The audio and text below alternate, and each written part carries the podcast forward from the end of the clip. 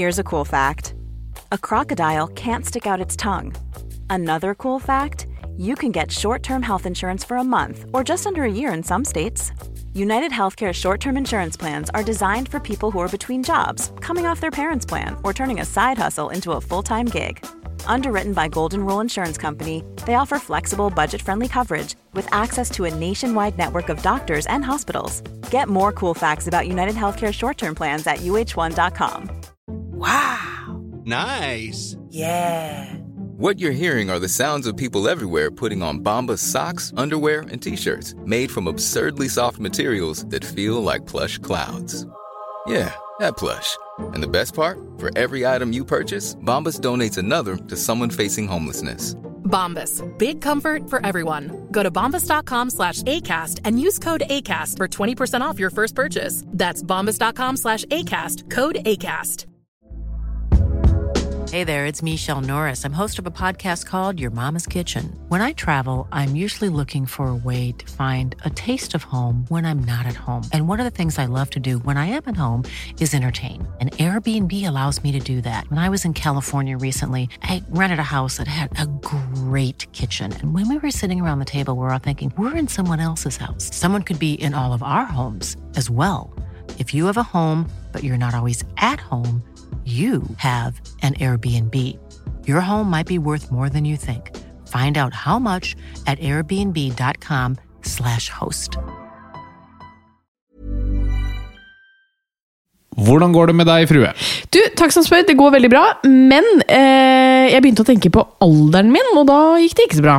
Din alder? Ja, altså Du er jo like gammel. Du vet hva alder er? Ja, Det vet jeg. Ja, Det hørtes ut som du ikke visste.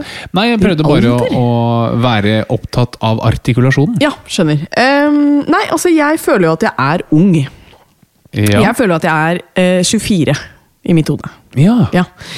Og så uh, ser jo jeg veldig mye på golf om dagen. Mhm. Ja. Eh, og da har det seg sånn at jeg tenker at eh, en viss norsk eh, golfprofil Og jeg er like gamle. Tenker du på Viktor Hovland? Viktor Hovland er jo blant de største idrettsstjernene vi har om dagen. Hvis ikke dere følger med på golf, skam dere! Hvis ikke dere har hørt om Hovland. Trenger ikke å skamme dere. Nei, skam dere. Eh, og så, Jeg syns han er en veldig flott mann. Det er jeg enig i. Ja, Veldig flott mann. Veldig flink. Veldig kjekk. Ja. ja. Tror du han ville synes du var flott? Det var jo det jeg begynte å tenke på. Så tenkte jeg sånn Det håper jeg. Men så måtte jeg sjekke hvor gammel han er. Vet du hvor gammel han er? Han er yngre enn deg. Han er 24 år. Ja. Han er ni år yngre enn meg. Og hva ville han sagt hvis du kom trampende på dansegulvet? Det får du mer av etter introen. Ja, Vet du det? Nei, jeg kan tenke meg Ok, det. Vi må, Ja, ha, en- du må, vi må ha en cliffhanger. Ja, ok, men det er cliffhangeren. Hva, hva kommer etter cliffhangeren? Hva ville Hovland sagt hvis han så meg på dansegulvet?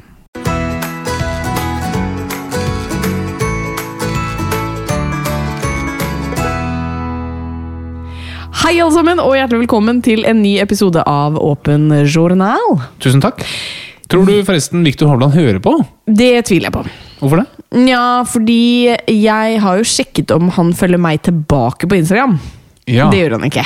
Nei, Nei, men jeg følger jo han. det gjør du. Ja.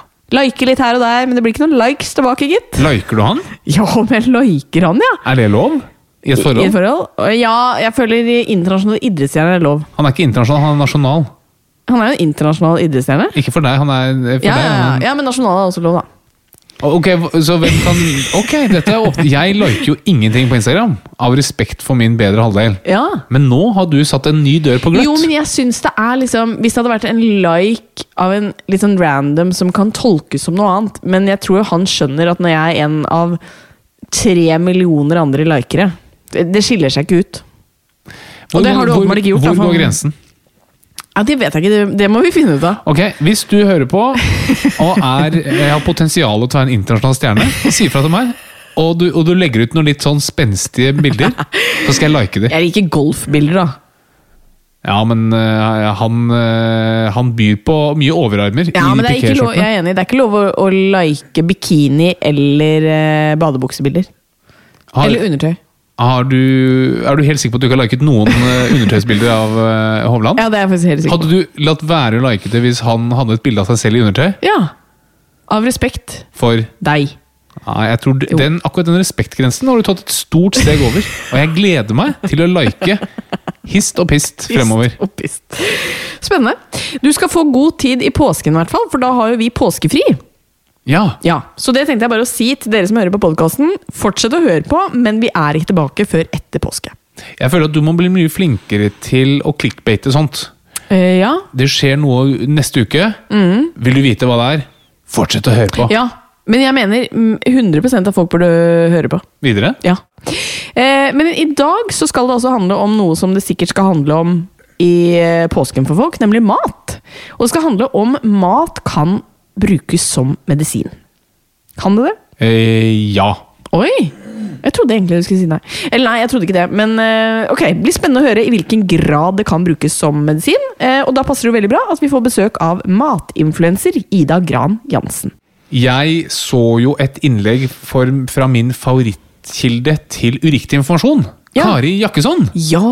For hun følger jeg på Instagram. Ja, selvfølgelig. Det- Liker du henne? Eh, nei, det gjør jeg ikke. Og det handler ikke om respekt for deg, Nei. men det handler om respekt for vitenskapen. Ja. Men hun hadde et innlegg som jeg for så vidt syns var interessant, og som jeg kanskje jeg vil si, ja, jeg vet ikke om jeg skal si støtter, men det var i hvert fall interessant. Og det, hun, det som var innlegget, det var et sånt eh, quote som var Um, If your doctor does not ask you what you eat and how you live, he's not a doctor, he's a drug pusher. Eller noe sånt. ja, det var veldig generaliserende. Det var veldig generaliserende. Men det er noe i det. Ja. At vi leger er nok veldig flinke til å veldig raskt hoppe på en medisin. ja. Selv om i en del tilfeller så kan man gjøre andre ting før man kommer til medisin. Mm. Nå blir vi flinkere og flinkere på det, og når det gjelder noen ting, så er det ikke noe spørsmål om man burde ha medisin eller ikke. Men eh, den var litt interessant, så takk eh, til Kari for god innspo der. ja.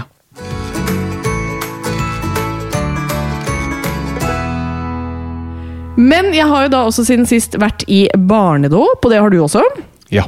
Det var veldig hyggelig, men du kom jo etter kirken, fordi Bernhard eh, tar seg en liten blund på formiddagen. Da eh, var du hjemme med han, og så dro jeg i kirken alene, for jeg var også fadder. Men det var veldig hyggelig, fordi det var en full kirke den dagen, og det ble jeg litt overrasket over. Ja. Eh, Litt uvant kanskje å se kirken så full. Men da skulle det jo synges, og jeg er jo ikke kristen, men jeg tenker at jeg må synge når jeg først er der. Så jeg prøvde å synge av ganske full hals. Og så kom vi da til et ord som jeg nå har lært nytt i dag, da. ja. Eh, og det var For jeg sang jo da veldig høyt det som sto i teksten, og det sto 'omkved'. Ja. Sang jeg. Ja. Og det var det ingen andre som sang. Nei. Nei. Eh, og vet du hvorfor ingen andre sang det? Ja, for det er vel det samme som å si refreng eller introduksjon eller Ja, for det må Ja, for jeg måtte jo da google dette etterpå, for jeg skjønte at det var noe gærent. Og omkved, også kalt refreng, er en verslinje som gjentas Ja. etter eh, hver strofe av et dikt. Nettopp. Du har jo giftet deg i kirken? Ja, ja, absolutt. Men da sang jeg ikke 'omkved'. Det gjorde du ikke. Eh, og la oss heller ikke glemme min svigermor, som fikk eh, skryt av presten da hun var, var i jule... Hva heter det? Julegudstjeneste.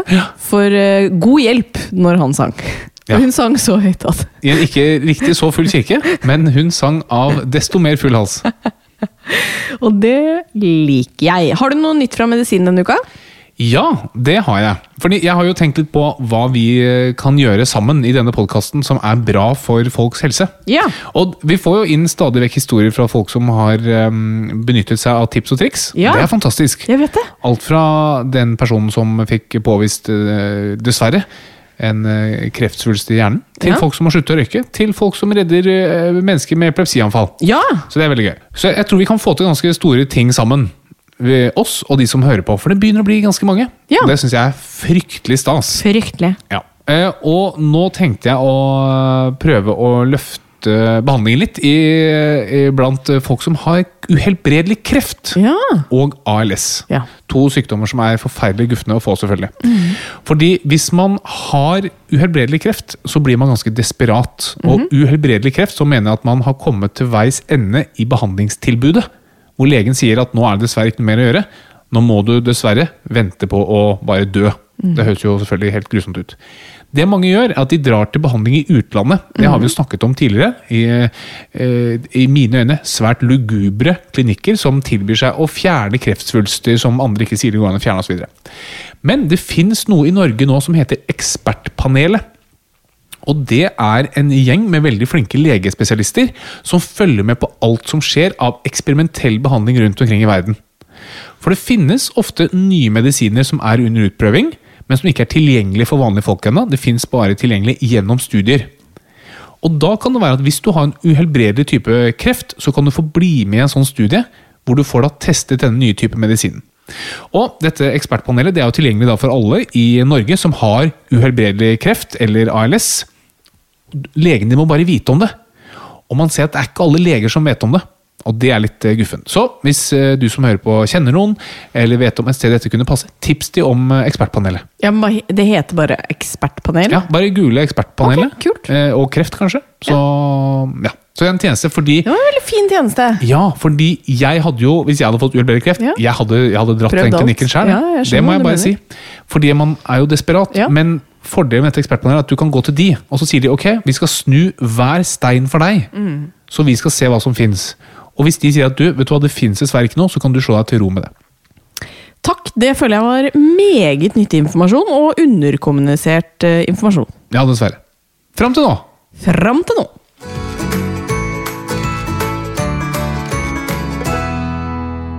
Denne uken så skal det handle om eh, mat kan brukes som eh, medisin. Og da begynner jeg bare med å spørre hva slags type mat er det faktisk eh, dokumentert at det er bra for helsa vår, eh, Harald? Jo, altså først så vil jeg gjerne si det at studier som gjøres og er gjort på mat, det er generelt ganske lite kredible.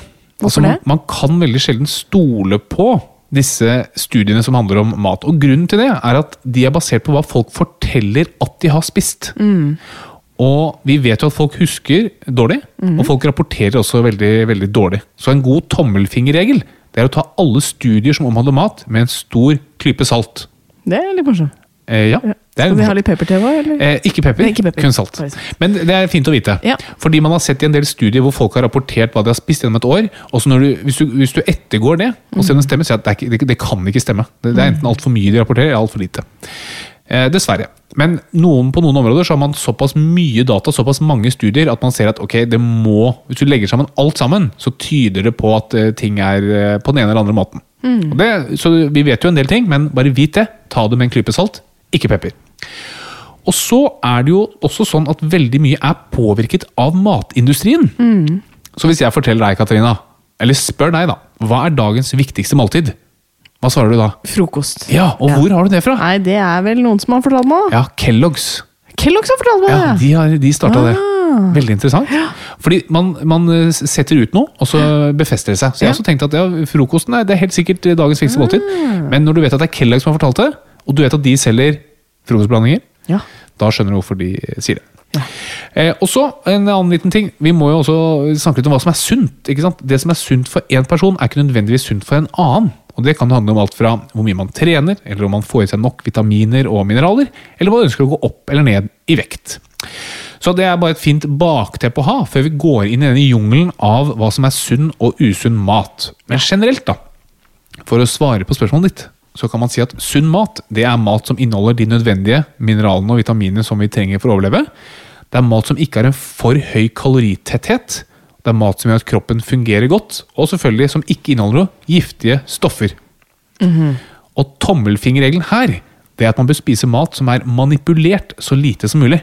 Ja. Altså det er mat som bør ligne så mye som mulig på mat du finner ute i naturen. ja.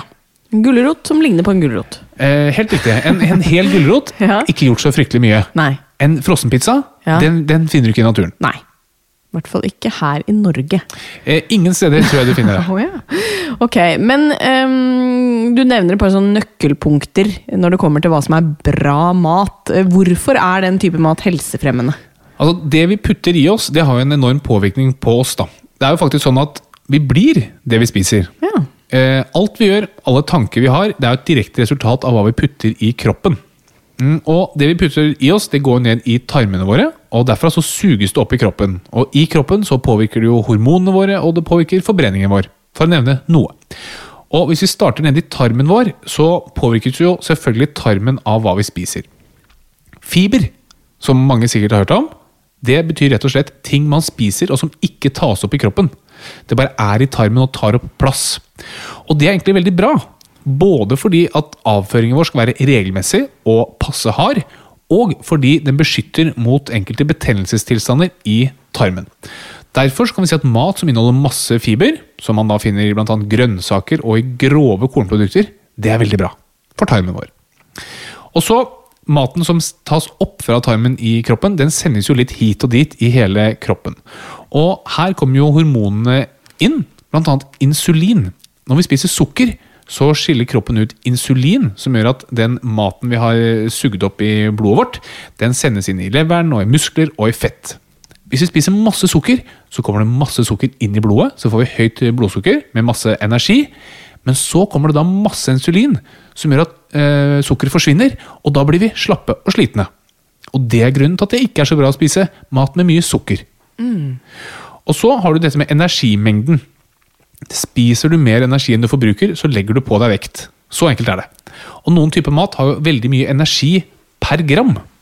Hvis du spiser eh, 100 gram sjokolade, så er det enormt mye energi. Spiser du 100 gram brokkoli, er det mye mindre energi. Så Derfor er det å spise mat som har lav energitetthet, bedre enn mat med høy energitetthet, fordi det er ikke så lett å legge på seg.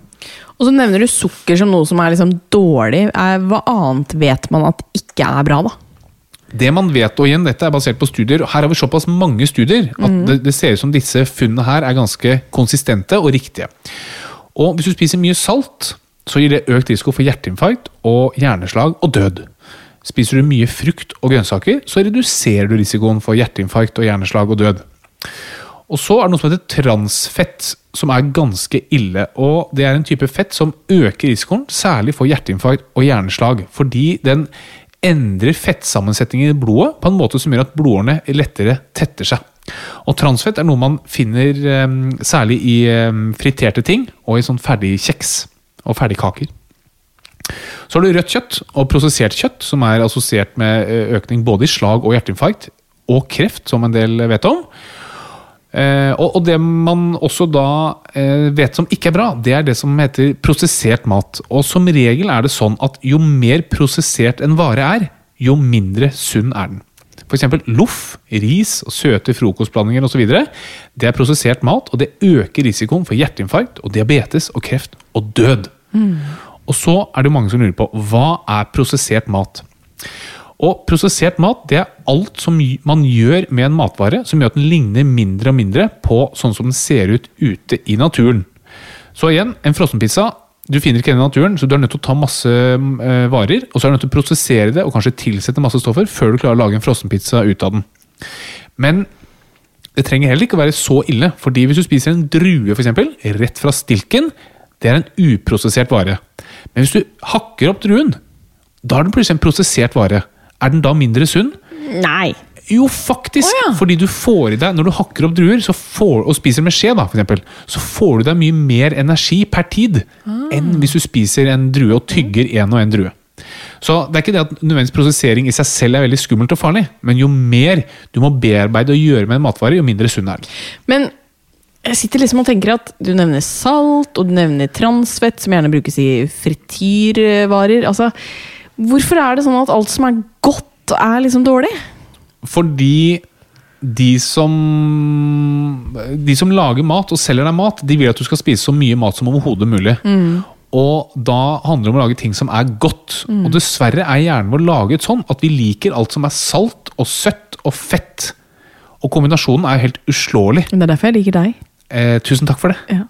Og det brukes, nå bruker jeg et veldig umedisinsk begrep, men til å hacke hjernen litt. Grann. Tenk- Se for deg hvis du sitter med, foran TV-en med en pose med Smash, som er salt og søtt og fett. Og som det skal godt gjøres å ta bare inn! Helt riktig. Ja. Og så eh, en annen kveld sitter du med en pose med brokkoli. Hvor fort slutter du å spise Smash? Hvor fort slutter du å spise brokkoli? Eh, jeg slutter fortere med brokkolien. Helt riktig. Og det er fordi de som lager Smash, de lager den på en måte som er fantastisk god. Men dessverre er det også da fryktelig usunt. Men det er jo litt forvirring der ute. Fordi eh, man får jo høre at man skal spise fisk, men for mye fisk kan gi opphopning av toksiske stoffer. Altså, man blir jo ikke klok. Stemmer det, eksempel, det med fisk? Eh, ja, altså Fisk er jo bra fordi det inneholder mye protein og mye sunt fett og vitamin D. Det er bra. Men det er en del miljøgifter i sjøen som hoper seg opp i fisk. Og det man har sett, er at man får faktisk i seg mer av disse miljøgiftene enn det som er anbefalt. Og det man da må spørre seg, det er bør man spise mindre fisk. Og det vet man ikke, men akkurat nå sitter det en gjeng flinke forskere og forsker på dette her. Oh, ja. Og de har lovet et svar i løpet av året. Fantastisk. Ja. Men det snakkes også om mat som er inflammatorisk. Altså mat som kan gi betennelsesreaksjoner i kroppen. Er det tull, eller er det noe sant i det? Og i så fall, hva slags mat er det vi snakker om? Altså, Betennelse det er jo immunforsvarets måte å forsvare oss på. Når vi får en infeksjon med en bakterie eller et virus, så starter immunforsvaret en betennelse for å bli kvitt viruset eller bakterien. Men noen ganger så overreagerer immunforsvaret vårt, og da angriper det ting som ikke er farlig. Altså skaper en betennelse ut fra ting som egentlig ikke er noe farlig. i Det hele tatt. Det kan være ting utenfra, som ved pollen. Når man har pollenallergi, så skaper immunforsvaret en eh, allergisk betennelsesreaksjon mot pollen. Eller det kan være at immunforsvaret skaper betennelse rundt ting inni kroppen som er helt fredelige og snille. F.eks. hjernen vår ved eh, sykdommen MS, eller ved skjoldbruskkjertelen ved, ved stoffskiftsykdommer. og så I disse tilfellene så er det alltid betennelse som er liksom, eh, immunforsvarets eh, prosess. Vi kan måle betennelse i kroppen via en blodprøve. Og den vanligste blodprøven vi tar da, det er CRP. Helt riktig. CRP den forteller oss litt om hvor kraftig immunforsvarets betennelse er. Men den er veldig uspesifikk, da. Ja, men det vi bruker den til vanligvis, det er det at typisk så vet vi at en betennelsesreaksjon er kraftigere ved en bakterieinfeksjon enn ved en virusinfeksjon. Så i de tilfellene vi er i tvil, er det en bakterie eller er et virus, så tar vi en CRP. og Hvis den er veldig høy, så tyder det på bakterieinfeksjon. Er den lav, så tyder det på en virusinfeksjon. Men man kan også måle CRP når man er helt frisk. Og Da kan man ta noe som heter mikro-CRP. og Den tenker man seg skal fortelle noe om den generelle graden av betennelse i kroppen. Og da har man sett at noen typer mat faktisk kan gi en økt nivå av denne betennelsen i kroppen. Hva slags type mat er det, da? Nei, Det er typisk sånn ultraprosessert mat og, og mat med mye sukker. Ja. Um, men vi vet ikke om det har noe å si, selv om du måler litt høyere betennelse i kroppen. Vi vet at betennelse i utgangspunktet ikke er bra, men vi har ikke klart å knytte dette med betennelsesfri mat til noen helsefordeler. Ikke sant. Så foreløpig så er det nok dessverre eh, ikke vitenskapelig dokumentert. da. Men hvis du går til de som prøver å selge dette her, betennelsesfri mat, hvilken mat er det de anbefaler? Jeg vil tenke at det er mye frukt og grønt og vegansk og vegetarisk. Det er det samme som alltid. Det er det samme som de kjedelige, standard norske kostholdsanbefalingene. Grove eh, kornprodukter, nøtter, ting du finner ute i naturen. Men husk på det at de som selger deg antiinflamatorisk mat, de tjener som regel penger på det. Ja. Eller selger en bok. Så fordelen for meg Ja. er at når dere som hører på meg nå, dere kan stole på meg i hvert fall i ganske stor grad, fordi jeg har ingen agenda. Man kan si at ja, men Harald vil prøve å være spektakulær, så flere hører på podkasten, eller så han kan komme på TV. Ok, det får nå være. Men jeg, fall, jeg, jeg selger ingenting. Nei. Det er jeg veldig glad for. Foreløpig. Men plutselig kommer det. Eh, Dr. Harald Doblaus eh, Antiinflamatoriske mat? Antiinflamatoriske nøttemiks. Og da må du ikke spørre meg lenger. Nei, da ville jeg ikke spurt Da må du spørre en annen. Ja. Da har kanskje til og med min kone blitt lege. Da så kan du kunne du spurt meg. min kone. Ja. Ehm, men vi må jo også snakke litt om dette kjøttet, da. eh, som det nevnes at eh, bl.a. er eh, kreftfremkallende. Altså mye rødt kjøtt. Hvor helsefarlig er egentlig kjøtt? Um, altså bearbeidet kjøtt, og det er kjøtt som eksempel pølser eller salami, bacon og Kjøttdeig. kjøttdeig. Veldig bra. Ja. Det er kreftfremkallende. Rødt kjøtt, altså kjøtt fra eh, storfe, som kona mi sier, eller storfe, som de andre sier, eh, lam og svin og geit og sånn, det er sannsynligvis også kreftfremkallende. Ja. Det virker relativt sikkert, men det er ikke helt sikkert. Det, var, det ser sånn ut, da. Um, men igjen, hvordan finner man det ut? Jo, man går og spør folk Hei, hvor mye kjøtt spiser du? Og så må folk eh, estimere hvor mye kjøtt du spiser. Og så kommer du tilbake ti år etterpå. Hei, har du fått kreft? Ja, jeg fikk kreft. Og så sier de at ja, de som sa de spiste masse kjøtt for ti år siden, mer av de fikk kreft eh, i dag. Men kanskje de som også spiste masse kjøtt, eh, drakk alkohol? Kanskje de røyka? Men de, de prøver å sortere ut det Ja, der, da. Okay. Men, så det- virker ganske sikkert at bearbeidet kjøtt øker risikoen for kreft. Mm. Men Um, og, og virker som ganske mye også. Kan øke kreft, risikoen for kreft i tarmen med ganske mange prosent. Men risikoen for kreft i tarmen er jo i utgangspunktet ganske liten. Så for å være litt konkret, da. Hvis du spiser rødt kjøtt eller prosessert kjøtt inntil to ganger i uken, så er det helt eh, akseptert innenfor et eh, sunt eh, kosthold. Okay. Og det myteomspunnede sukkeret, da? Er det, er det bare dårlig? Nei, altså Sukker i seg selv er jo en kjempeviktig energikilde. Ja. Og hjernen vår bruker nesten utelukkende sukker til energi. Men sukker kommer jo i veldig mange former, og igjen så har vi dette med prosessering. Rent sukker er jo ultraprosessert. Man har tatt sukkerplanten, som man finner ute i naturen, og så har man kjørt den gjennom utallige prosesser, så man står igjen med bare rent hvitt sukker. Og det er jo i praksis ren energi. Sukker har jo et par ulemper. Det ene er at det er masse energi i det, som gjør at vi går lett opp i vekt. Og det andre er at det påvirker blodsukkeret vårt. Hvis du spiser ren sukker, så går blodsukkeret veldig opp, men så går det fort eh, ned igjen, og så får du en liten sånn krasj. da. Og det er grunnen til at man bør spise så lite rent sukker som mulig. Men du har jo også sukker i grove kornprodukter. Men fordi det ikke er prosessert, så er det kroppen selv som må prosessere det. Og da kommer det litt og litt og litt sukker inn i blodet, og det er veldig bra. Kontra hvis du drikker en liter med Coca-Cola. Rent sukker inn i blodet, som går eh, inn i blodet med en gang. Veldig høyt blodsukker, masse energi, og så en svær krasj. Fordi insulinet fjerner blodsukkeret igjen. Vi må jo også snakke om det å ikke spise i det hele tatt. Altså fasting, da. De spiser jo i løpet av døgnet, men de har noen timer i løpet av døgnet hvor de ikke spiser. Du har nevnt det for noen uker siden, at det kan ha en god effekt. Hvorfor kan fasting ha en god effekt på helsa? Ja, altså Det ser ut til å ha en del positive effekter på helsen. og Forbrenningen i kroppen den har jo to funksjoner. Um, å bygge opp eller bryte ned. Og Når vi er mette og har masse mat i kroppen, så bygger kroppen opp. Både muskler og fett. Men når vi har lite mat i kroppen over tid, så må deler av kroppen brytes ned for å ha energi til å overleve. I vår verden så er vi jo nesten alltid i en oppbyggende fase. Vi har alltid liksom eh, nok energi. Vi er stort sett alltid i et kalorioverskudd. Så vi trenger aldri å tære på reservene våre. Men det å faste innimellom, altså at du er såpass lenge uten mat at kroppen faktisk er nødt til å begynne å tære litt på reservene, det ser ut til å være ganske gunstig. Og det som er viktig å legge til, er at det gjelder selv om du spiser samme mengde mat. Du trenger ikke å spise noe mindre mat. Det, det hjelper å bare faste og spise samme mengde mat. Ja. Vi vet ikke helt hvorfor det er sånn, men i mitt hode hvis jeg kan få komme med en, en om enn ikke en forklaring, så en fin måte å huske det på, så ser jeg for meg at kroppen er ganske intelligent. Så når kroppen først må bryte ned ting, så ser jeg for meg at bryter ned de delene som ikke er så bra. Gamle, slitne celler osv. Men dette siste her fins ikke noe bevis for. Men, mm. men det er i hvert fall en forklaringsmodell. da.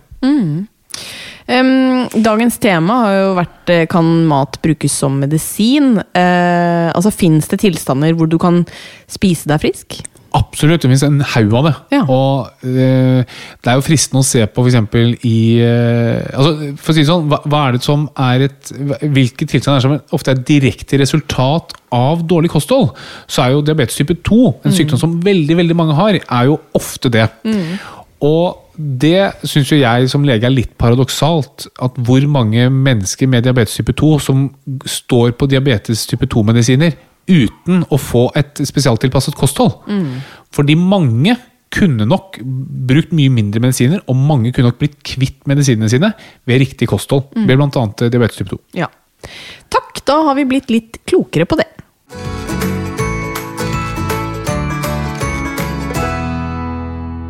Dagens lyttespørsmål det handler om noe du har hjemme, Harald. Oi! Ja, fordi du bruker jo sånne oransje briller foran eh, PC-skjermen din. Ja. Ja, Og det er en som lurer på eh, om disse brillene med farget glass faktisk har en effekt. Og egentlig, hva, hva er effekten, må jeg da spørre, for det skjønner jeg ikke. Mm, Ja, nei, altså det jeg har blitt kommet litt på moten de siste årene. Jeg vil ikke, Ja. jeg vil ikke si at det nødvendigvis er en trend jeg har startet, Ikke du, nei? men jeg vil ikke utelukke det. Ok, greit. Eh, og det er sånne, sånne glass som blokkerer et blått lys. Ja. Og tanken er at blått lys, som det er veldig mye av i skjermer, det er den eh, energi, altså lyset med mest energi. Mm. Så at man kan si at det blå lyset sliter ut øynene mest. Det er dessverre ikke riktig, og disse brillene fungerer ikke på det. Ok, hvorfor bruker du de oransje Ja, Hvorfor bruker jeg det? Nei, eh, jeg, jeg trodde det virket. Ok, Så det er ikke bevist at det har noen effekt? Ja, det er vel bevist at det ikke har noen effekt. Og det er bevist at det ikke har noen effekt, Ja, dessverre. Oh, ja. Men kan, grunnen til at jeg kjøpte var for at jeg kjøpte mine briller på Specsavers. Ja. Og da var det to for én. ja. Og hva skal jeg med to briller? Og da Kjøpte det bare. Here's a cool fact a crocodile can't stick out its tongue. Another cool fact you can get short term health insurance for a month or just under a year in some states. United Healthcare short term insurance plans are designed for people who are between jobs, coming off their parents' plan, or turning a side hustle into a full time gig. Underwritten by Golden Rule Insurance Company, they offer flexible, budget friendly coverage with access to a nationwide network of doctors and hospitals. Get more cool facts about United Healthcare short term plans at uh1.com. Hey, it's Ryan Reynolds, and I'm here with Keith, co star of my upcoming film, If, only in theaters, May 17th. Do you want to tell people the big news?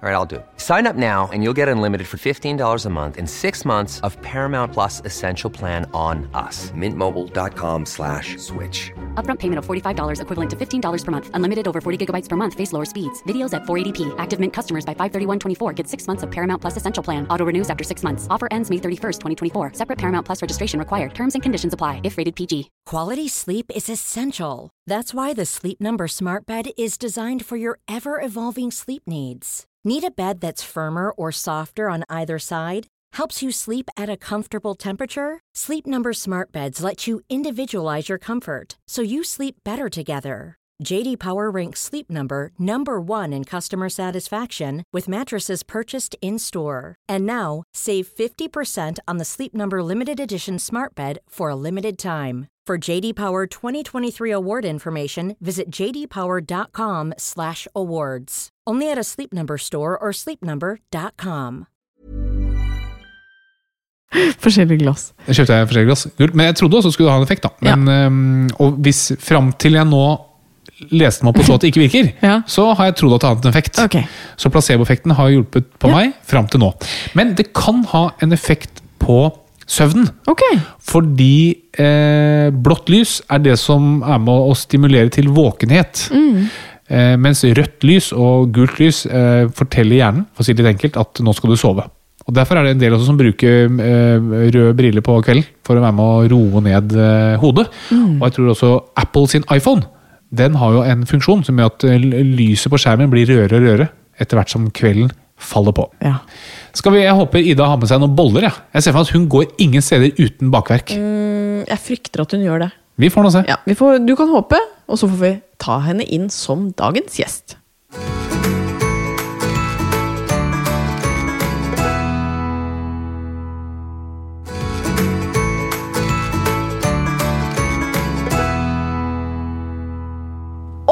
Så har vi fått besøk her i studio, og det er av Ida Gran Jansen. Hjertelig velkommen. Tusen takk. Hvordan er det med deg? Bra. Det er det. Veldig bra. Rett fra operasjonsstua. Ja, er du det? Nei, jeg, herregud, det er en lita tå som eh, ikke vil samarbeide. Det er bare den som jeg fiksa. Men Hva du kommer rett derfra. Ja, Hva jeg gjorde du med med Eh, de tok og kuttet av en del av den. Oi, Ja. huff da. Nei, og nå vil den samarbeide? Jeg håper jo det, da. Nå har jeg hatt den i mange måneder. Det er veldig typisk meg. Jeg går jo aldri til legen. Nei. Jeg bare jeg venter og tenker at ting går over. Kunne fått ordna det her. Du tenkte ikke på det? Ja, her på bordet. Ja. Her er enkle saker. Ja. ja. Jo, ja, men du ser at du har fjernet en del av tåa, men jeg håper ikke at det er hele Ja. tåa. På en Det er en del av neglen. Det er en del av neglen. Ja, men nå skulle jeg overdramatisere. Jo, jo, men det liker vi i denne podkasten. Neglen er jo en del av tåa. Men da må jeg spørre, fordi eh, en veldig vanlig torturmetode er jo å trekke ut negler. Mm. Eh, dette må jo ha vært Jeg skjønner at du ble bedøvet, men det må jo ja. kanskje det blir veldig vondt? Ja, altså Jeg sitter og venter på det, fordi Ja. de sa at det skulle bli vondt. Oh. Um, så vi får se om det faktisk Men jeg føler at det ikke kan bli vondere enn det det var. Ja, for det var veldig vondt. Ja. Det er et veldig bra utgangspunkt. Ja. Det er de man helst vil operere. Ja. Når det er på sitt verste.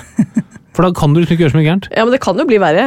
Jeg hadde en, eh, en Da jeg jobbet på um, ortopeden, da, tær var jo noe vi gjorde. Og Da hadde jeg en læremester, han var fra Stavanger. Så han Harald, husk på det, når det kommer til tær, du kan aldri gjøre noe galt. Kan du ikke det? Nei, De kan operere hvordan du vil. Jo. Det kan du jo ikke. Du Kan du ikke det, fjerne men- alle, det går bra? Altså, Du kan ikke liksom sette eh, hvem som helst til å operere de, men jeg satt der, jeg, da, og det gikk jo bra. Altså Det folk Det vet ikke vet Ja, altså det vet vi ikke, fordi han slutta jo på det sykehuset. Men eh, det folk ikke vet, er at hvor mye tid du så på YouTube eh, på hvordan man skulle operere forskjellige ting. Og jeg tenkte sånn Hvorfor sitter du og ser på det her, og hvorfor lærer du ikke dette av en overlege på sykehuset? Jo, Du var sånn, jo, men du var sånn Akkurat det her får, vet jeg ikke hvordan jeg gjør, jeg skal gjøre det i morgen. Ja, det er kjempebetryggende. Ikke sant? Ja, Men kirurger er bare mennesker, de òg, vet du. Må læres. Jeg føler Hvis du går til en kirurg, da er det liksom sånn, det er status.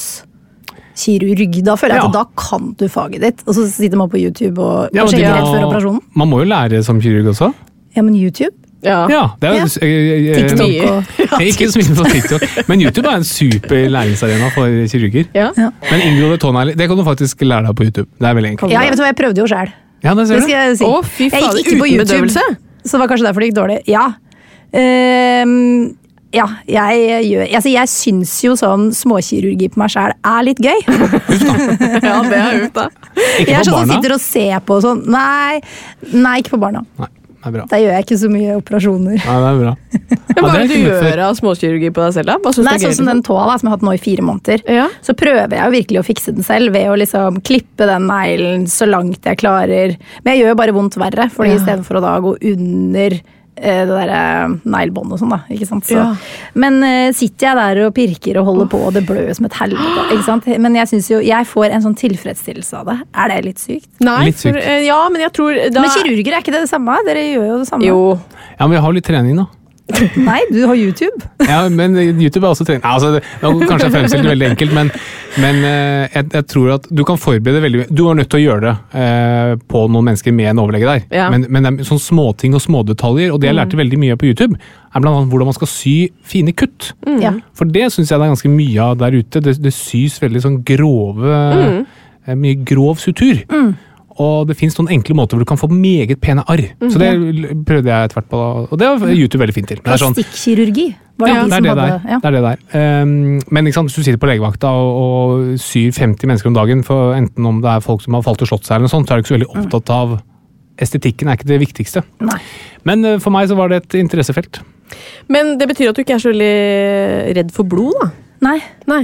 Veldig lite. Men det kan jo være fordi at jeg jobbet uh, i noen år som dyrepleier. Da. Så jeg jobbet jo Ja. Uh, Ja, var jo mye operasjoner der. Ja. Uh, og da blir du jo vant til blod og ja. ja, For de har blod, de og de dyrene. Du, det har jeg lurt på! Hvor, hvis du er veterinær, hvor mange dyr kan du liksom jobbe på da? Hvor like er for eksempel, hvis du, Kan du liksom bruke en hesteanatomi til å skjønne hvordan en hamster ser ut? Nei. Er du spesialist? Nei, altså for jeg er jo ikke dyrlege, da. Jeg, jeg var jo utdannet som dyrepleier, så blir det på en måte som sykepleier. Mm. Eh, men eh, da kjenner jeg jo selvfølgelig mange dyrleger. Og ikke sant, når du studerer medisin, så er det jo menneskekroppen. Men når du studerer eh, veterinær, så må du jo på en måte pugge anatomien til veldig mange forskjellige dyr. Ja. Og så er det jo, altså Gris og menneske og sånn er jo ganske likt uh, typ, men så har du en fugl, da. Ja. Eller reptiler. Eller maur. Eller, ja, Tenk så vanskelig. der vet jeg. Jeg fikk ikke så mye maur. Sterilisere en maur. Ja, da skal vi sterilisere. Da er det Han er lei av å smelle de andre damene bort. Det blir så mye graviditeter i den tua. Nei, men det var bare for å få størrelsesforhold her. Jeg skjønner. Eh, ja. Men, eh, så det er jo et heftig studie, da. Ja, det er et heftig studie. Men tror du ikke de bare blir generalister? og så hvis, hvis de skaper en hamster, så går de inn på YouTube, da, for eksempel? Eh, jo, mulig. Eller så går de til de som er, har spesialisert seg innenfor gnagere. De fleste ja, på smådyrsklinikker finnes er jo hund og katt. Ja. Og så har du gjerne de som er spesialister da på ja, gnagere som tar eh, kanin. Og, og veldig mange veterinærer er jo sånn jeg rører ikke undulater, for eksempel. Da må du til en fuglespesialist. Yes. Og så har du stordyrsveterinærer, da. ikke sant? Så eh, Yes. man kommer jo ikke en, med en hest inn på en smådyrsklinikk. Men vi må jo snakke litt om helse òg. Ja, vi har vært innom eh, mye rart her nå. Men eh, du nevnte at du ikke går til legen. Eh, nei, altså jeg må jo gå til legen. Ja. ja fordi at eh, sånn er det jo. Men jeg pleier å drøye det veldig lenge. Mm. Hvor langt kan det gå, liksom? Ehm, det kan Altså, sånn, jeg har jo leddgikt. Eh, så jeg får jo beskjed hver gang jeg er der, at mm. du må komme Ja. oftere. Ja. Eh, fordi jeg kan gå med hevelser i altså forever. Ja. Og så drar jeg bare ikke. Fordi for det første så er det jo vondt. da. Ikke sant? Jeg må sprøyte alle disse leddene. Mm. Og så tenker jeg også igjen at ja, men det går jo bare over. Fordi Ja, det gjør jo ofte det. Eh, men der, er de, der pleier de å være litt strenge med meg. Men det hjelper ikke så veldig. Nei. Jeg er litt dårlig på å høre på sånne råd. Men, sant, Eller sånn som den tåa mi nå. da. I fire måneder har jeg jo gått med den. da. Ja, Men du tenker jo da at det går over, men det er ikke noe i deg som tenker at åh, kanskje det kan bli verre, eller det kan bli farlig, eller eh, det- med den tåa nå til slutt, så, begynte, så googlet jeg kjøttetende bakterier. Ja, ikke sant. Jeg tenkte sånn Ja. Tenk, kan det være? Men så sto det sånn I Storbritannia så er det 500 i året som har det. Ja, De er ganske mange flere enn i Norge. Ja, det er det. Men, Så altså, tenkte jeg det er veldig lite sannsynlig. ja, jeg tenkte jo det var mange. Da. men ikke tå, da. Altså totalt som har disse Totalt. Mm. Ja. Ja. Og så sto det jo sånn, så du blir dritdårlig, da. Du Ja. blir jo, altså, ja. Du merker når kjøttetende bakterier er der. ja. Så jeg tenkte jeg har ikke feber. Eh, det er ikke blitt svart og koldbrann. Så det er god tid. Faren min han er sånn Herregud, du kan få sepsis og Ja. bla, bla, bla. bla, bla.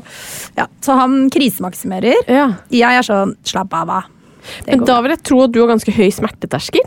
Ja, det tror jeg. Ja. Eh, ja. Ja. Men det det er Fordelen med kjøttetende bakterier er at et, det man liksom, et symptom som er typisk for det, det er det vi kaller pain out of proportion. Du får så mye mer smerter enn det på en måte, tingene skulle tilsi. da. Oh, ja. Så man trenger ikke å være så redd for at man får en kjøttetende bakterie uten å vite om det. Nei. Nei, det er ikke sånn at du bare går med det. Nei. Nei.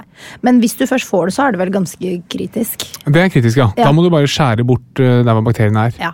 Og forte deg. Fortere. Ja. Men barna, de drar jeg med. De drar du med. Ja. ja. Der For den minste ting, liksom? Eller? Eh, nei. Nei. Det gjør jeg ikke. Men sånn type hvis jeg har hatt veldig høy feber over veldig mange dager, Ja. eh, sånne ting, da ringer jeg og eh, sier nå nå syns jeg at vi skal komme. Men kan man dø av feber? Eh, siden du spør nei, tenker jeg. Nei, bra. Mm. Viktig å si. Mange som er redd for at barna dør av feber. Ja, fordi, fordi det er det jeg Jeg syns det er ordentlig ubehagelig for han minste. da Han har jo hatt liksom over 40 i feber over liksom tre-fire dager. Og da sier de alltid, for jeg ringer jo legevakten og sånn, så sier de Eller Ullevål fått sånn direktelinje Ikke jeg har fått direktelinje! har, Har du fått direktelinje til Ullevål? Den, den vil jeg gjerne ha. Det er sånn VIP-linje, har ikke du fått det? Nei, den har jeg ikke fått. Herregud, du skal Fader, få ja. etterpå.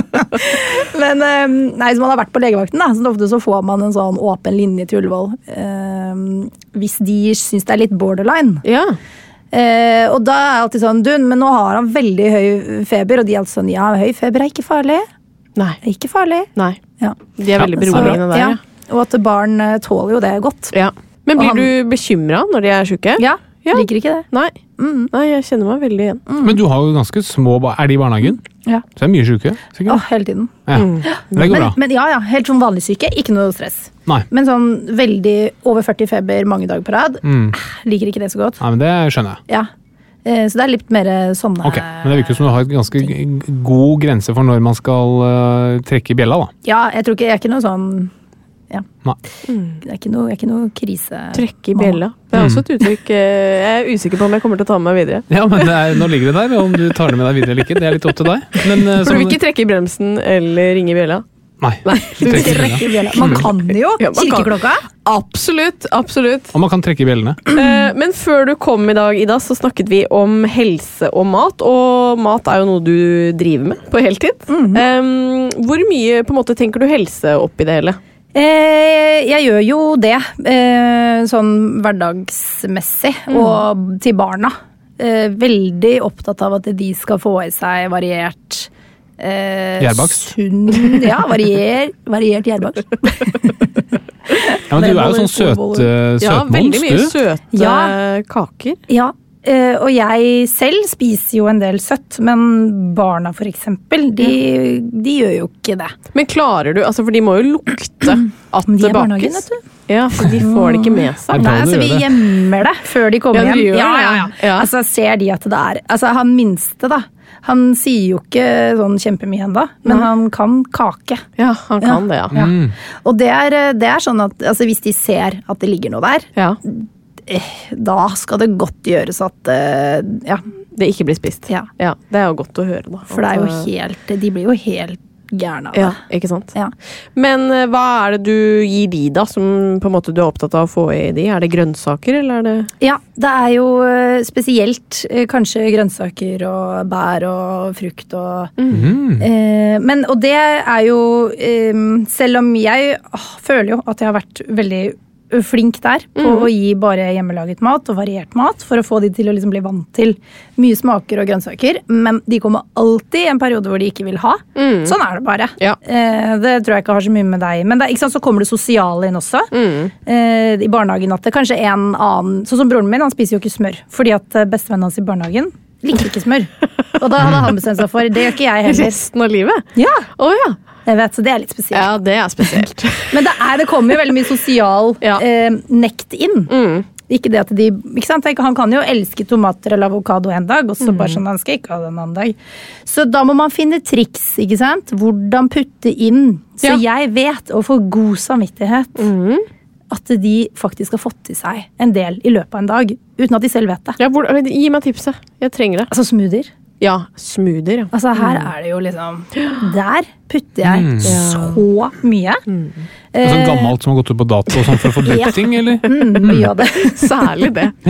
Smart. Men da er det jo liksom typisk eh, eh, avokado. Eh, like mye avokado som f.eks. frossen mango. Ja.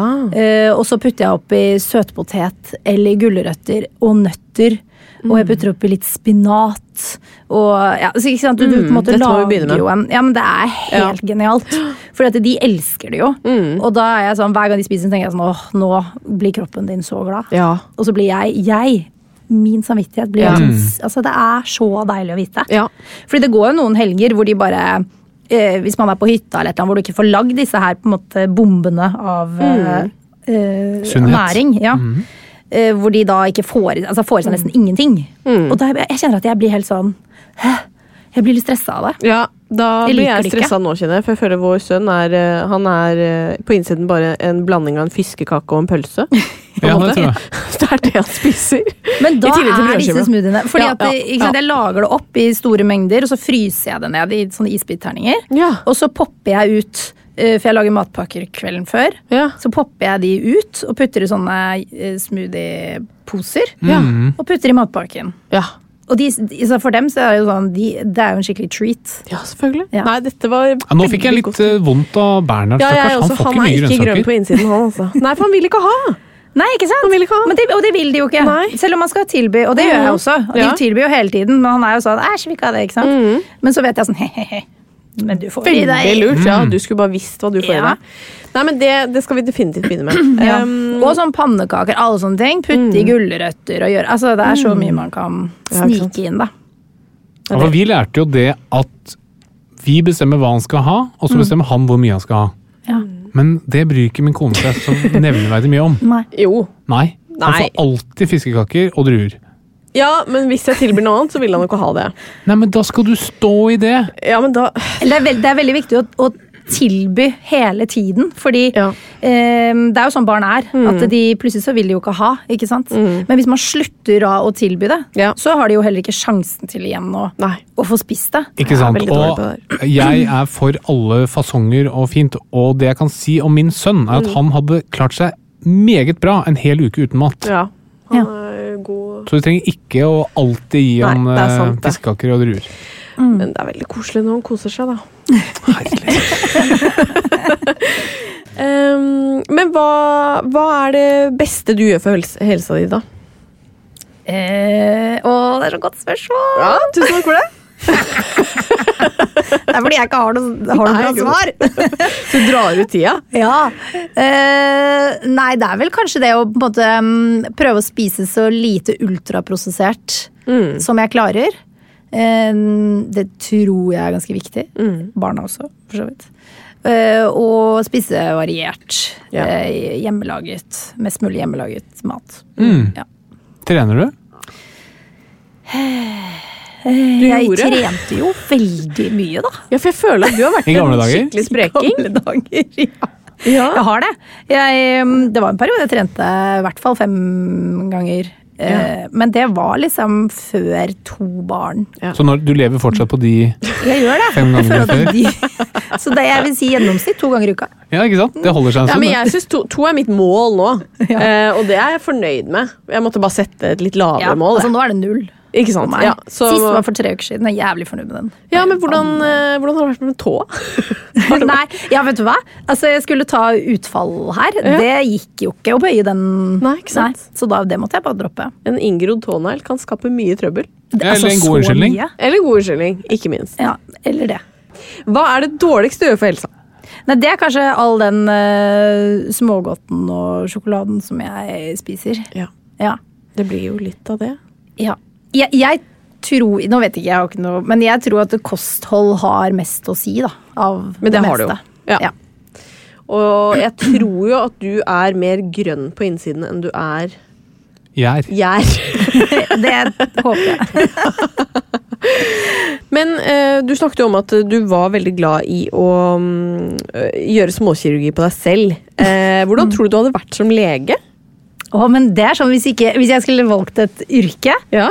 nytt yrke, så tror jeg jeg ville studert medisin. Ja. Eh, og drevet med enten sånn infertilitet, Ja. eh, gynekolog, fødselslege, jordmor, et eller annet sånt. Mm. Jeg syns jo fødsler og sånn er jo noe av det morsomste som fins. ja. Ja. Ser du på det på YouTube? Jeg, ser, jeg følger noen kontoer. På Instagram? Ja. Ja. Hvor det er close up. Jeg filmet jo min andre fødsel. Altså, jeg har full front. Å, full Eirik, front, ja. Eirik måtte Oi. filme. Yes. Sto der med kamera mellom beina mine. Men den er ikke på Instagram. Nei, på YouTube. På YouTube. Så nei, det syns jeg er eh, Ja, nei, jeg synes alltid synes det har vært veldig fascinerende. Og Leo Ja. kan ganske mye om det, faktisk. Ja. Eh, overraskende mye. Mm. Mm. ja, fordi at jeg er sånn, Hvis jeg blir hekta på et tema, Ja. da leser jeg og ja, ja. Leser meg opp. Ja, det er kult. Det er, jo, det er utrolig hvor mye man kan lære seg hjemmefra nå. Ja. Ja. Og jeg syns det er så mye man ikke vet, og mye man ikke lærer, eh, og mye man ikke kan. Det er jeg enig i. fra før av. Altså, Ja. sånn, jeg blir jo helt overrasket over liksom, venninner som ikke Altså, De vet jo ikke at de har eggløsning engang. så jeg mener. Det er- Nei, jeg skjønner hva du mener. Jeg også føler at akkurat det der med syklus og litt hormonell eh, ja, eh, informasjon hadde vært fint Ja. på skolen, liksom. Ja, For hvorfor meg, man, jeg visste jo nesten ikke hvorfor man har mensen, liksom. Hva er det? Og utflod, det er jo bare sånn Ja, Æsj, det er bare sant? kjempeekkelt, syns man. Ja, Og så vet man jo ikke egentlig egentlig hvor fantastisk Ja. det er. Hva tenker du da? Ja, jeg er helt enig.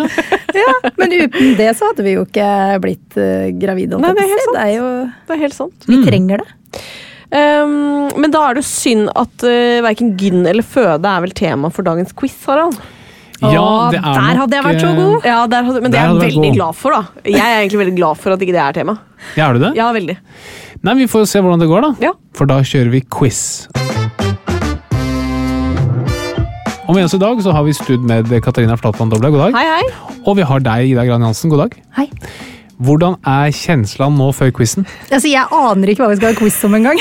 Så Dette jeg er ikke sikker. Dette er en er jo- medisinsk quiz. Det er jo en medisinsk Ja. quiz om mat og helse. Er. Så jeg vil jo egentlig tro at Ida kan være ganske god. Ja, Du er nok favoritt i dag. Favoritt i dag, ja.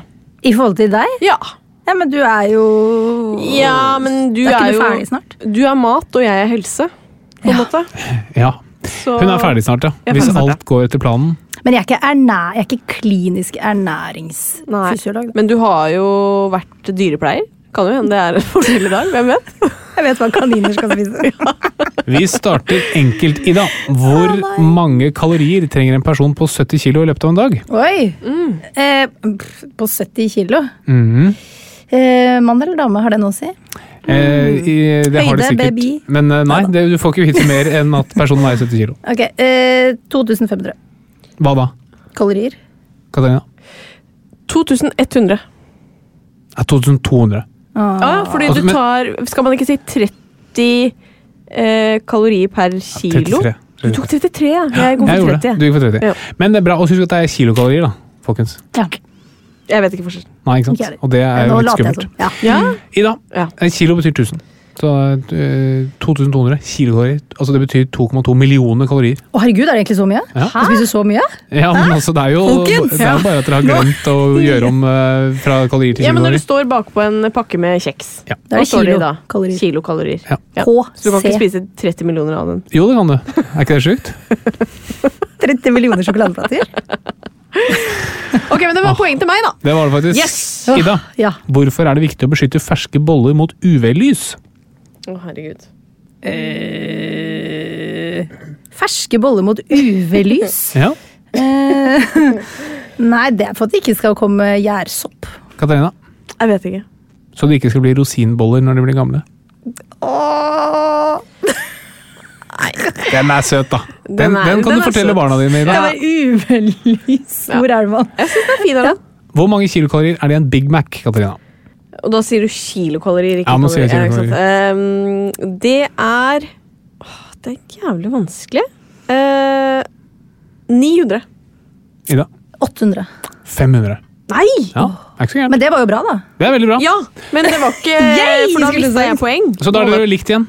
Da er dere likt igjen. Um, Ida, hva er det mest kalorier i per 100 gram? Potet eller Coca-Cola? Oi. Kunne du ikke satt potet eller olivenolje? Nei, kunne ikke det. Nei. Um, altså, det er mye sukker i Coca-Cola, men det er ikke så mye kalorier, kanskje. Nei, um, uh, si potet. Ja, Siden du spør, Ja. så er det sikkert potet. Ja, Dobbelt så mye potet som i Ja. Coca-Cola. Oi. Det er mye sunnere. Jeg skal sies, folkens. Mye sunnere kalorier. Ja da, Ja. potet er mye sunnere. Absolutt. Potet er potet. Eh, hva er sunnest? Hva var det du sa, Katarina? Potet er potet. sa Potet er potet, ja. Det er godt å ha Men deg jeg her fikk òg. lite respons, så da lot jeg det gå. Ja. Hva skulle vi gjort uten deg og din Nei, Det hadde jo blitt utømmelige kjedelig, da. For deg. Det hadde det blitt. Ja. Eh, hva er sunnest av potet, ris og pasta, Ida? Eh, potet. Katarina? Potet, Potet, ris eller Pasta. potet. Det er riktig. Det er, Ah, det er mye så sunnere, bra. faktisk. Mindre kalorier og mer fiber og vitaminer. og greier. Så husk det. Neste spørsmål. Eh, Ida. Mm. Hvilken tilstand risikerer man hvis man spiser mye grønnsaker like etter fødsel? Er det, dette er også et tullespørsmål. Det vet du ikke. Jo, det er det. Eh, nei, jeg vet, jeg vet ikke. Katarina. Er det et eller annet med ordspill med fødselsdepresjon? Navlebrokkoli. Å ja. Ja. Nei. Det er den vanskeligste quizen jeg noen gang har hatt. Takk for det. Men er det også den morsomste? Er det også den morsomste? Den er veldig morsom. Hun ler jo veldig, Harald, som du hører. Katarina, hvor mange Ja. kilokalorier er det i halvannen liter Coca-Cola? Eh, kilokalorier eh, 40! Nei, okay. hvorfor ler Ida? du? Jeg tror det er mye mer. Eh, kanskje 200 Ja, jeg sier 200 Nei, unnskyld meg! Jeg svarer 600. faen. Oi, halvannen liter, ja. Det er jo de, er de svære, svære. Ja, jeg tenkte på 0,75, jeg. 40, det Fortsatt et hadde stykke unna Nei, men du 40. hva? 0,45, fins det? Ja, det var 0,45. Jeg tenkte på en desiliter. Jeg tenkte på det sliter. Ja. Ehm, eh, Katarina, Ja. hvilken frukt serveres det mest på på den homofile puben London i Oslo? Nå smiler du så godt mens du, du gleder deg. til Nei, jeg den gjør ikke her. det. Jo, Jeg gjør ikke ser det på deg. Nei. Eh, hvilken frukt? Ja, Ehm, på London Nei, jeg vet ikke. Banan. Analanas. Nei, banan kunne det også Ja, banan. banan. Men det kunne også vært agurk. sånn, Du får den faktisk poeng for den. har Ja. Ja, Hun leder nå med to poeng. Hun sa jo bare noe man kan stikke opp i analen. Ja. Da kunne jeg sagt agurk, da. Nei, men jeg likte banan bedre. Det er ikke en frukt.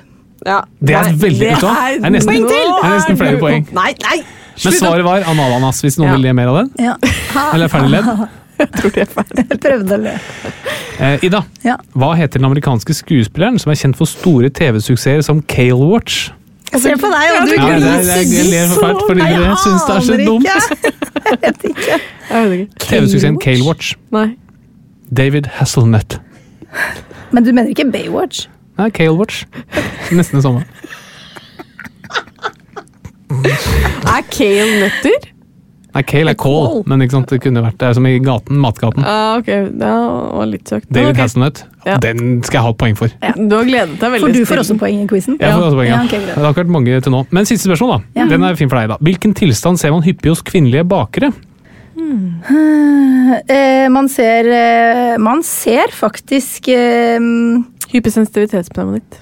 Jeg vil tro at du får sånn eh, senebetennelse. Bollemus. Ja, den er fin. Den var fin, faktisk. Takk for det. Men de kan få hypersensitivitet. De kan få senebetennelse òg. Og de kan få bollemus. Ja. De kan. Nei, men da, Det var faktisk Ida som vant Ja, dette det var jo det, men hun fikk jo poeng i hytten og styrten her, da. Ja, fordi hun svarte riktig. Fordi hun svarte noe du syntes var gøy. Nei, Nei hun svarte riktig. Hun fikk ett lite poeng fra okay, bananen. ja. Men uh, da ble det seier, da. Det ble seier til Ida. Gratulerer så mye. Takk. Um, men før vi avslutter, så pleier vi alltid å få tips til vår sønn Bernhard uh, for hvordan han kan bli en fin fyr, Ida. Og du Å, har to barn, så Ja. du har sikkert veldig mange gode tips. Åh, det å dele, kanskje. Ja, Ja. det er jeg helt Ja. Enig er i. for det er en kamp, og det vil Ja. de ikke. Nei. Ja, jeg vil jo ikke det heller. Nei. Hvis jeg får smågodt, Ja. vil ikke dele. Nei, jeg skjønner hva du mener. Ja. Så skal man lære det Men videre. barna skal dele. Så vi prøver maks, da. Ikke sant? Louis er jo litt liten. Men uh, Max må som regel alltid dele. Mm. Han vil aldri. Uh, men da prøver vi å liksom si at man blir veldig glad inni kroppen av å dele, og, Mm. ja, og prøver liksom lyver. Du lyver. Lyver så mye, for jeg blir ikke glad Nei, det er det. inni kroppen av Du å blir dele. irritert og lei deg for at du Ja. vil dele. Men det er en fantastisk egenskap. Se barn som Ja. deler. Og ikke ikke minst å se barn som ikke vil dele. Ja. Er litt, uh, kan være irriterende. Ja, og det, stort sett så vil de jo ikke det. Nei, de vil jo ikke det. Nei, det er min leke. Min! Ja. Sier de, ikke sant? Nei, men Det er bra. Det er notert. Det er Viktig å dele. Da sier vi tusen hjertelig takk for at du kom, Ida. Takk for meg. Lykke til med tåa. Ja, takk. Den Har, jeg, jeg gjør ikke vondt. Nei, enn så lenge. Mm. Nei, du har, Det er vel sånn seks timer etter du satt sprøyten. Så bare vent. Er det så lenge? De sa sånn én til to timer. Ja, Du fikk kanskje ikke med adrenalin, Det vet jeg ikke. Spurte ikke. men eh, det, smertene kommer. Vær du sikker. Yes. Motiverende å høre. Ja. Vi er tilbake neste uke. Ha det! Ha det! Ha det. Plan B. Even when we're on a budget, we still deserve nice things. Quince is a place to scoop up stunning high-end goods for 50 to 80% less than similar brands. They have buttery soft cashmere sweaters starting at $50, luxurious Italian leather bags, and so much more. Plus, Quince only works with factories that use safe, ethical, and responsible manufacturing. Get the high-end goods you'll love without the high price tag with Quince. Go to quince.com slash style for free shipping and 365-day returns. Imagine the softest sheets you've ever felt. Now imagine them getting even softer over time. That's what you'll feel with Bowl and Branch's organic cotton sheets. In a recent customer survey, 96% replied that Bowl and Branch sheets get softer with every wash. Start getting your best night's sleep in these sheets that get softer and softer for years to come. Try their sheets with a 30-night guarantee. Plus, get 15% off your first order at bowlandbranch.com. Code BUTTERY. Exclusions apply. See site for details.